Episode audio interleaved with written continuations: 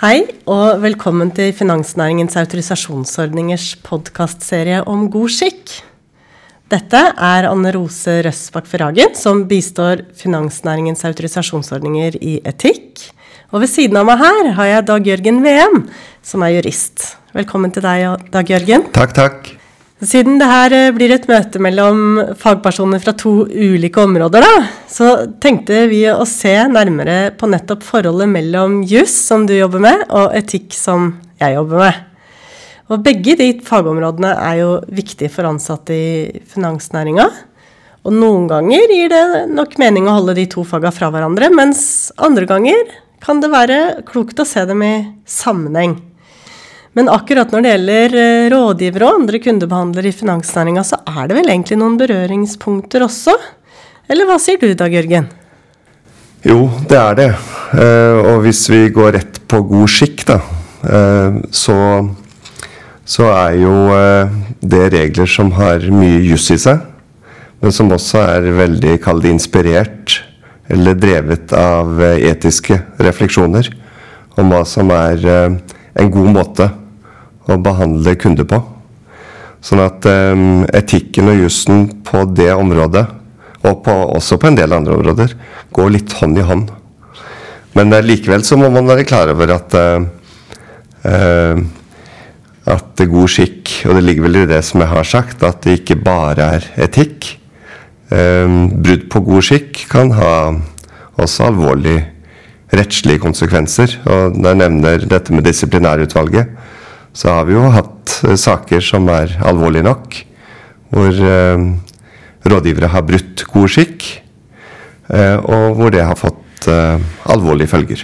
Ja, ikke sant. Jeg tenker litt på god skikk som en Litt sånn som profesjonsetikk, ja da. Som en bransjenorm, ikke sant. Vi sier jo at det er det, fordi det angir en standard som gjelder rådgivning og annen kundebehandling i hele bransjen. Um, og da blir det på en måte en profesjonsetikk, for den gjelder jo enhver rådgiver og kundebehandler, uavhengig av bedrift. Så det blir et slags sånn felles eh, grunnlag da, for hele næringa. Og det gjør det til en sånn yrkesgruppestandard som ligner veldig på profesjonsetikk eh, sett med mine øyne. Gir det mening for deg, Dag Jørgen? Det gjør egentlig det. Eh, når eh, man sånn fra et juridisk perspektiv tenker eh, på profesjon, profesjonsansvar, så, så er jo det noe som flere profesjoner er undergitt. ikke sant? Vi tenker leger, advokater, ingeniører. Men også finansielle rådgivere er jo undergitt et strengt, veldig strengt profesjonsansvar rettslig sett.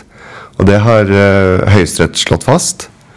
Og det omtales også på den måten i forarbeidene til ny finansavtalelov. Eh, og eh, det at det er et strengt ansvar, vil si at eh, man, når man skal bedømme handlingene, så tar man utgangspunkt i hvilke handleplikter rettslig sett som gjelder på de aktuelle områdene. Og så skal det jo da relativt lite til av overtramp knytta til disse handlepliktene før det blir ansvar. Og det er det som ligger i et strengt ansvar, at det stilles ekstra krav.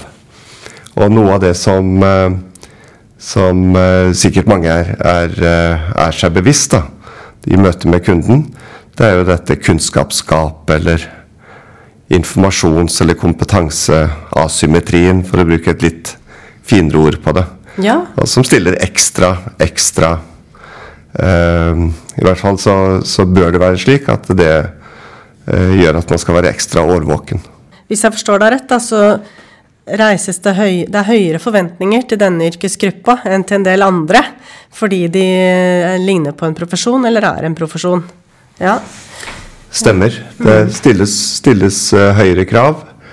Uh, og, og, målestokken blir jo deretter når man skal bedømme hvorvidt uh, en rådgiver har gått over streken.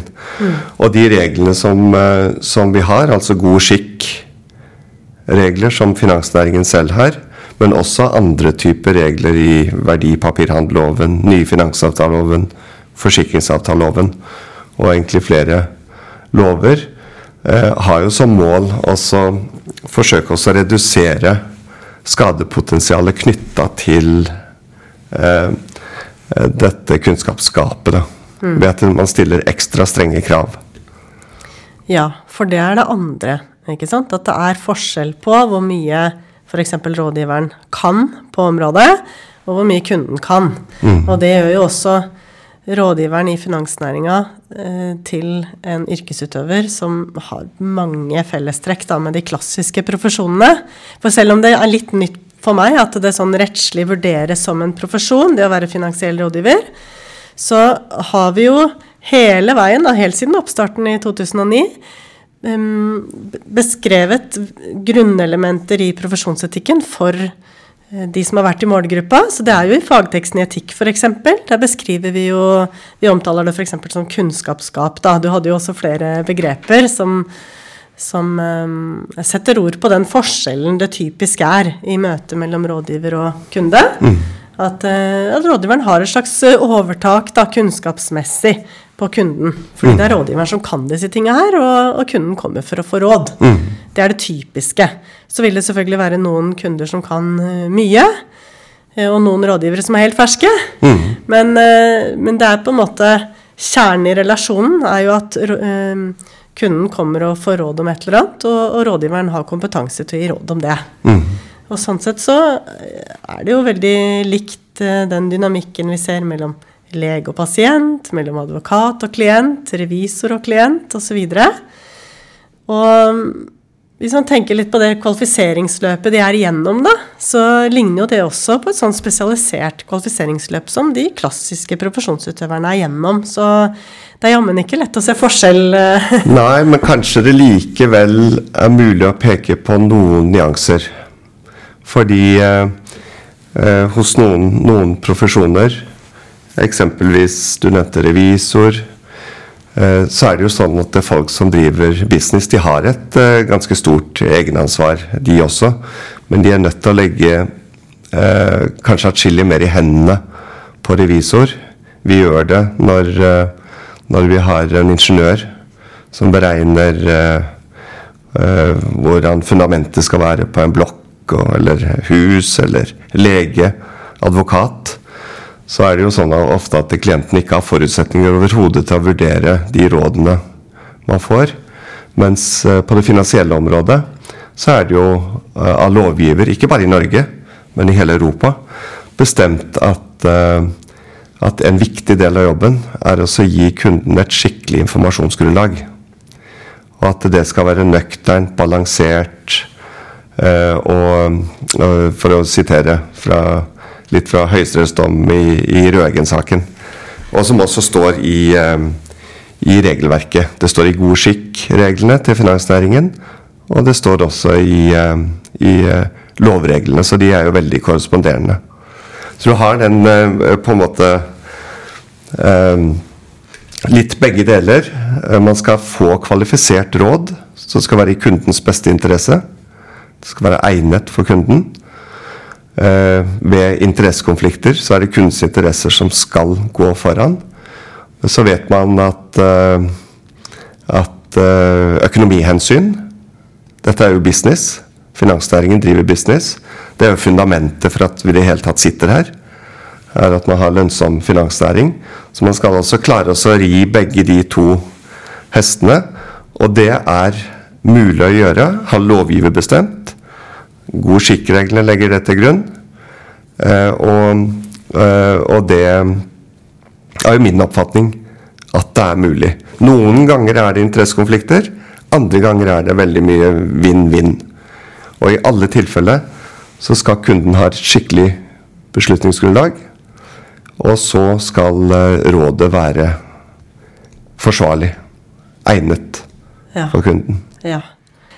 Jeg syns også det er interessant å reflektere over For ambisjonen i finansnæringa er jo, som du sier så godt, at eh, rådgiveren skal gi kunden et godt beslutningsgrunnlag. Så det er, jo kunden alltid som skal ta beslutninga, en informert beslutning.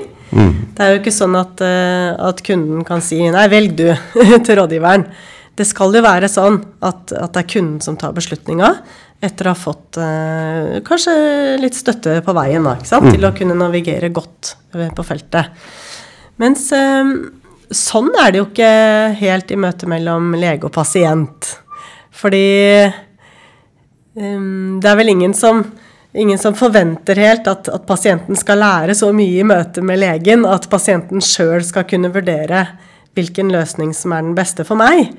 Så um, der er det en sånn interessant forskjell som jeg værer, som kunne være spennende å sette ord på. da. Mm. Og, og, kanskje har det med det du var litt inne på å gjøre, at uh, i relasjonen mellom pasient og lege så skal det jo helst ikke foregå et salg. Ikke sant? Det skal være en ikke-kommersiell uh, behandling, da.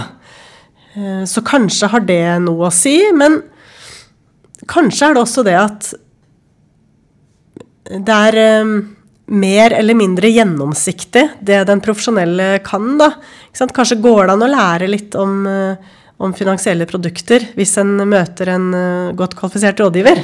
Mm. Og kanskje kan man lære noe i løpet av en, en times tid, da, eller kanskje to uh, samtaler, eller hva vet jeg.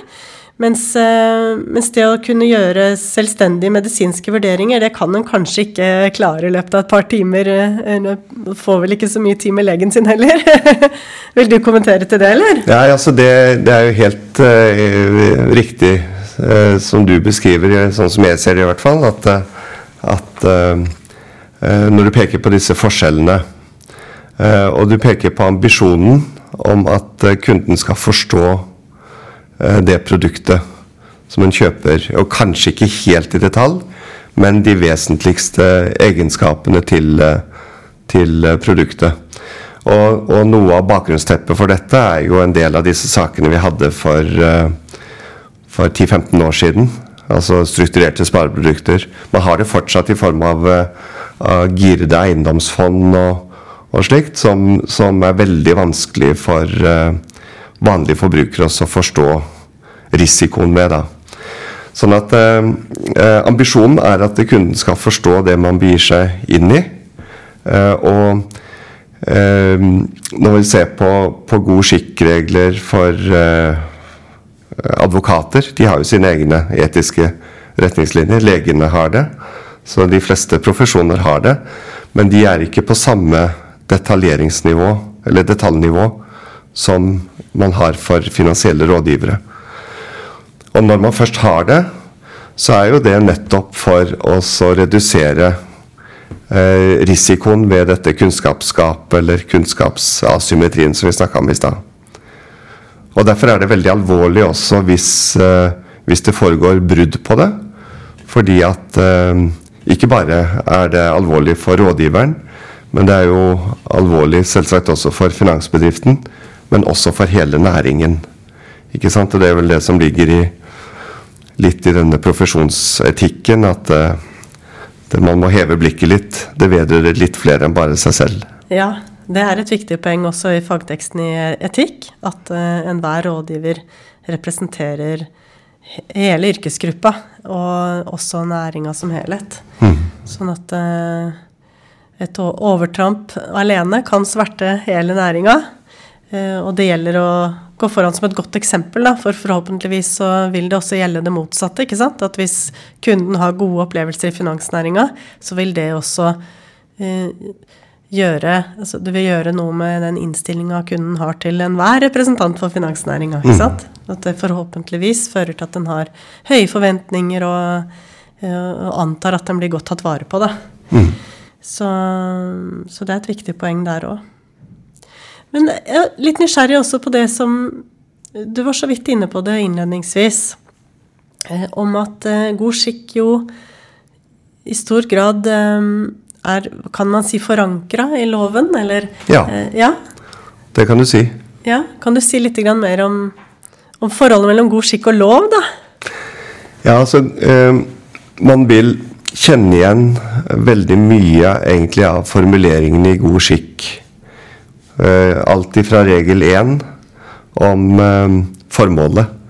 Ivareta kundens interesse på beste måte. Og, og nå står det jo også i, i uh, Dette står jo i formålet også til finansavtaleloven. Og I tillegg så står det jo markedets integritet. ikke sant? At man skal heve blikket litt og, og egentlig ivareta eh, bransjen på en god måte. Uh, og det, I det så ligger for så vidt også, i hvert fall så er det noen uh, som har uh, innfortolka også at det drives sunt. Ikke sant? Lønnsomt. Det har også med markedsintegritet å gjøre. Apropos dette med, med økonomi. Så alt fra regel 1 om formål og profesjonalitet, regel 2, og, og, og dette med behovsanalyse, regel 4, og informasjon og interessekonflikt, helt til regel 10 om, eh, om dokumentasjonsplikten, det går igjen i, uh, egentlig i, uh, i flere Altså de sentrale lovverkene, da. Og aller nå, sist nå, da, den nye finansavtaleloven. Samtidig så kan man tenke seg, når man først har lovverket på den måten, så kan man spørre om, om er det da plass for etikk er det tilstrekkelig å følge god skikk? Er det tilstrekkelig å følge lovverket? Eh, opptrer man da alltid eh, etisk på, på, beste måte? Og um, min oppfatning er vel, og det, jeg tror du, kanskje du er bedre til å svare på det, men, uh, men um, at det fortsatt er handlingsalternativer innenfor rammen av det lovlige. Det er jo, det er jo en del skjønnsmessige ord og uttrykk som gir eh, grobunn egentlig for tolkning. Uh, og, og, det skal ivareta uh, altså ulike typetilfeller. Eller skal i hvert fall dekke ulike typetilfeller. Så det er helt, helt, klart, for meg i hvert fall, at det er rom for, for uetisk atferd og etisk atferd innenfor rammen av, av god skikk-reglene. Nettopp. Så det er mulig å tolke altså I en gitt situasjon så er det mulig å liksom tolke det sånn at det gir litt større handlingsrom enn det som egentlig var ment. Eh, sånn at eh, en faktisk kan handle eh, på flere ulike måter og likevel kan si at den på et vis handler i tråd med regelen. Men det er kanskje litt mer i bokstavelig betydning. Det er kanskje ikke sånn som intensjonen var. Nei, nettopp. Mm. Men at du, at du, nok kan, kan eh, f.eks. gå klar av en sak i disiplinær utvalget fordi det ikke er, eh, er tilstrekkelig uh, klart brudd. Og kanskje ikke brudd i det hele tatt, men allikevel uh, kanskje på kanten i, fra et etisk perspektiv, da. Ja. Og det er jo en god påminnelse om at selv om regelen kan være klar og lett å forstå, så skal den i tillegg anvendes. Og når den skal anvendes, så, så må vi nødvendigvis inn og fortolke. Mm. Og, og, vi må ta oss tid til det også, ikke sant? Ikke bare eh, 'jeg gjør det bare'. Da kanskje det går litt for fort. En må kanskje sjekke ja, men kan jeg gjøre det da, og likevel handle i tråd med regel X. Mm. Um, så det er alltid et element av fortolkning og, og når, når, noe skal settes ut i livet, tror jeg. Og da, da, er min erfaring også at det er nyttig å, å kunne etikk, altså i praktisk forstand. ikke sant? Være litt sånn drilla i å ha utsatt beslutninga, kanskje, mm. og først sjekke. Det er kanskje det første og det viktigste en gjør når en eh, blir drilla i etikk. At en venter litt, man kaster seg ikke bare uti det, men holder litt igjen. Og, og sjekker først ja, hva står det egentlig i den regelen, eller ja, det er mulig at jeg kan komme unna med det hvis jeg gjør dette her. Um, og at det kan sies å være i tråd med regel X, da.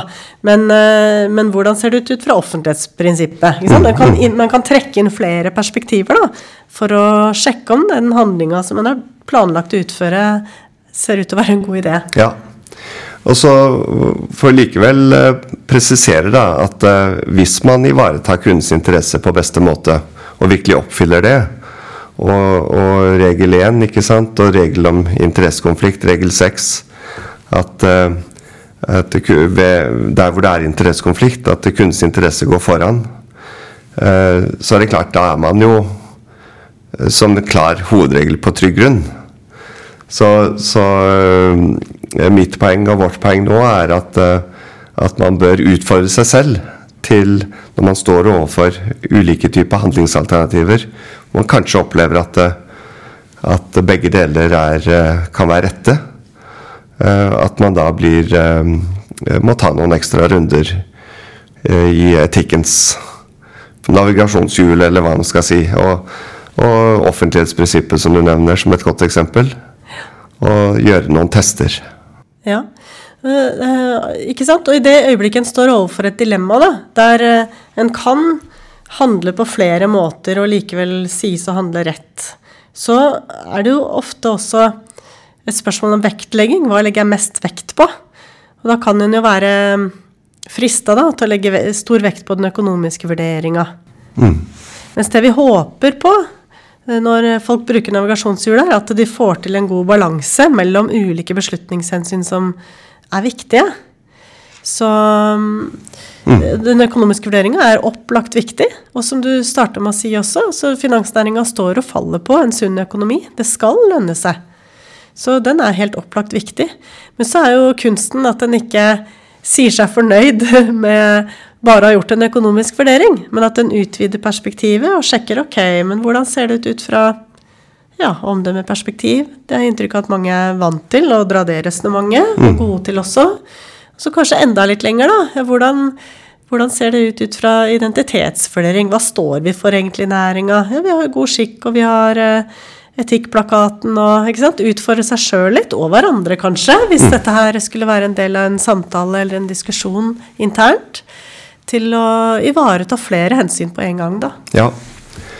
Nå er vi jo eh, innenfor en næring som, uh, som har stort sett eh, masse nyttige produkter som alle trenger flere av for å ha en velfungerende privatøkonomi.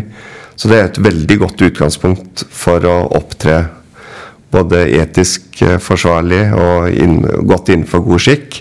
Det er verdt å nevne det nå. Vi, vi, er jo i november, og er ikke noe som heter Black Week og Black Friday, hvor man blir dytta på masse unyttige produkter og, og pressa til å kjøpe. Det har jo ikke finansnæringen. Det er jo ikke tillatt. Det er brudd på god skikk. Det skal være egnet og i tråd med, med behovsanalysen. Og det er jo også nå løfta fram i ny finansavtale for øvrig. Um, og selv om det gjaldt også tidligere. Så at uh, utgangspunktet for finansnæringen er jo veldig godt, vil jeg si. Uh, i, i, forhold til dette med å klare både den økonomiske biten, drive det som er bærekraftig for finansnæringen, for bedriften, lønnsomt, og som er bra for kunden. Ja, Fint eh, poeng. Og så har vi den eh, systematikken rundt, ikke sant? som, som f.eks. God skikk legger opp til.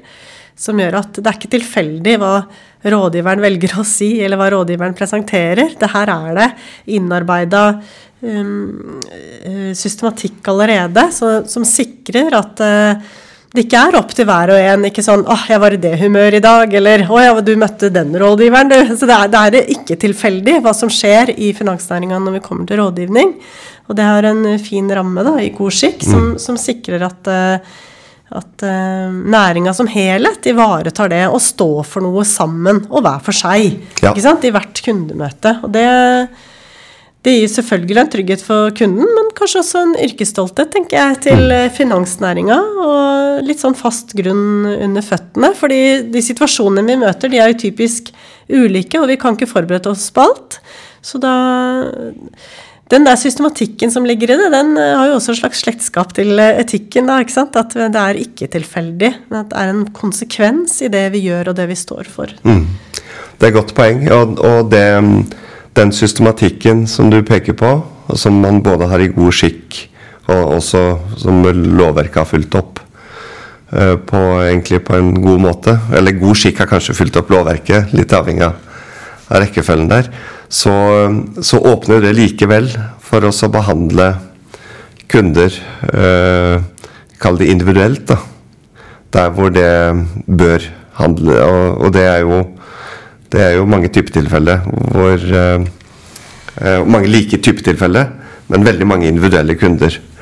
Og det skal jo man, uh, man klare å bake inn i den systematikken som du pekte på. Da. Ja, det er fint at du fikk med det. Og kanskje kan jo det at en har så tydelige, klare rammer, gjøre en mer trygg også på å gjøre unntak når det er god grunn til det. Ja. Det tror jeg egentlig. At det kan henge litt sammen. At det ene ikke utelukker det andre, i hvert fall. Mm. Mm. Men vet du, jeg syns det virker som at vi har mye å snakke om i dag, Jørgen. På tvers ja. av våre fagområder. Så jeg håper egentlig at våre veier krysses snart igjen. Jeg vet ikke om vi er ferdig snakka, men uh, Håper ikke det. Håper ikke det. Men uh, tusen takk for praten så langt. Det har vært ordentlig fint å tenke sammen med deg om disse tingene her, syns jeg. I like måte.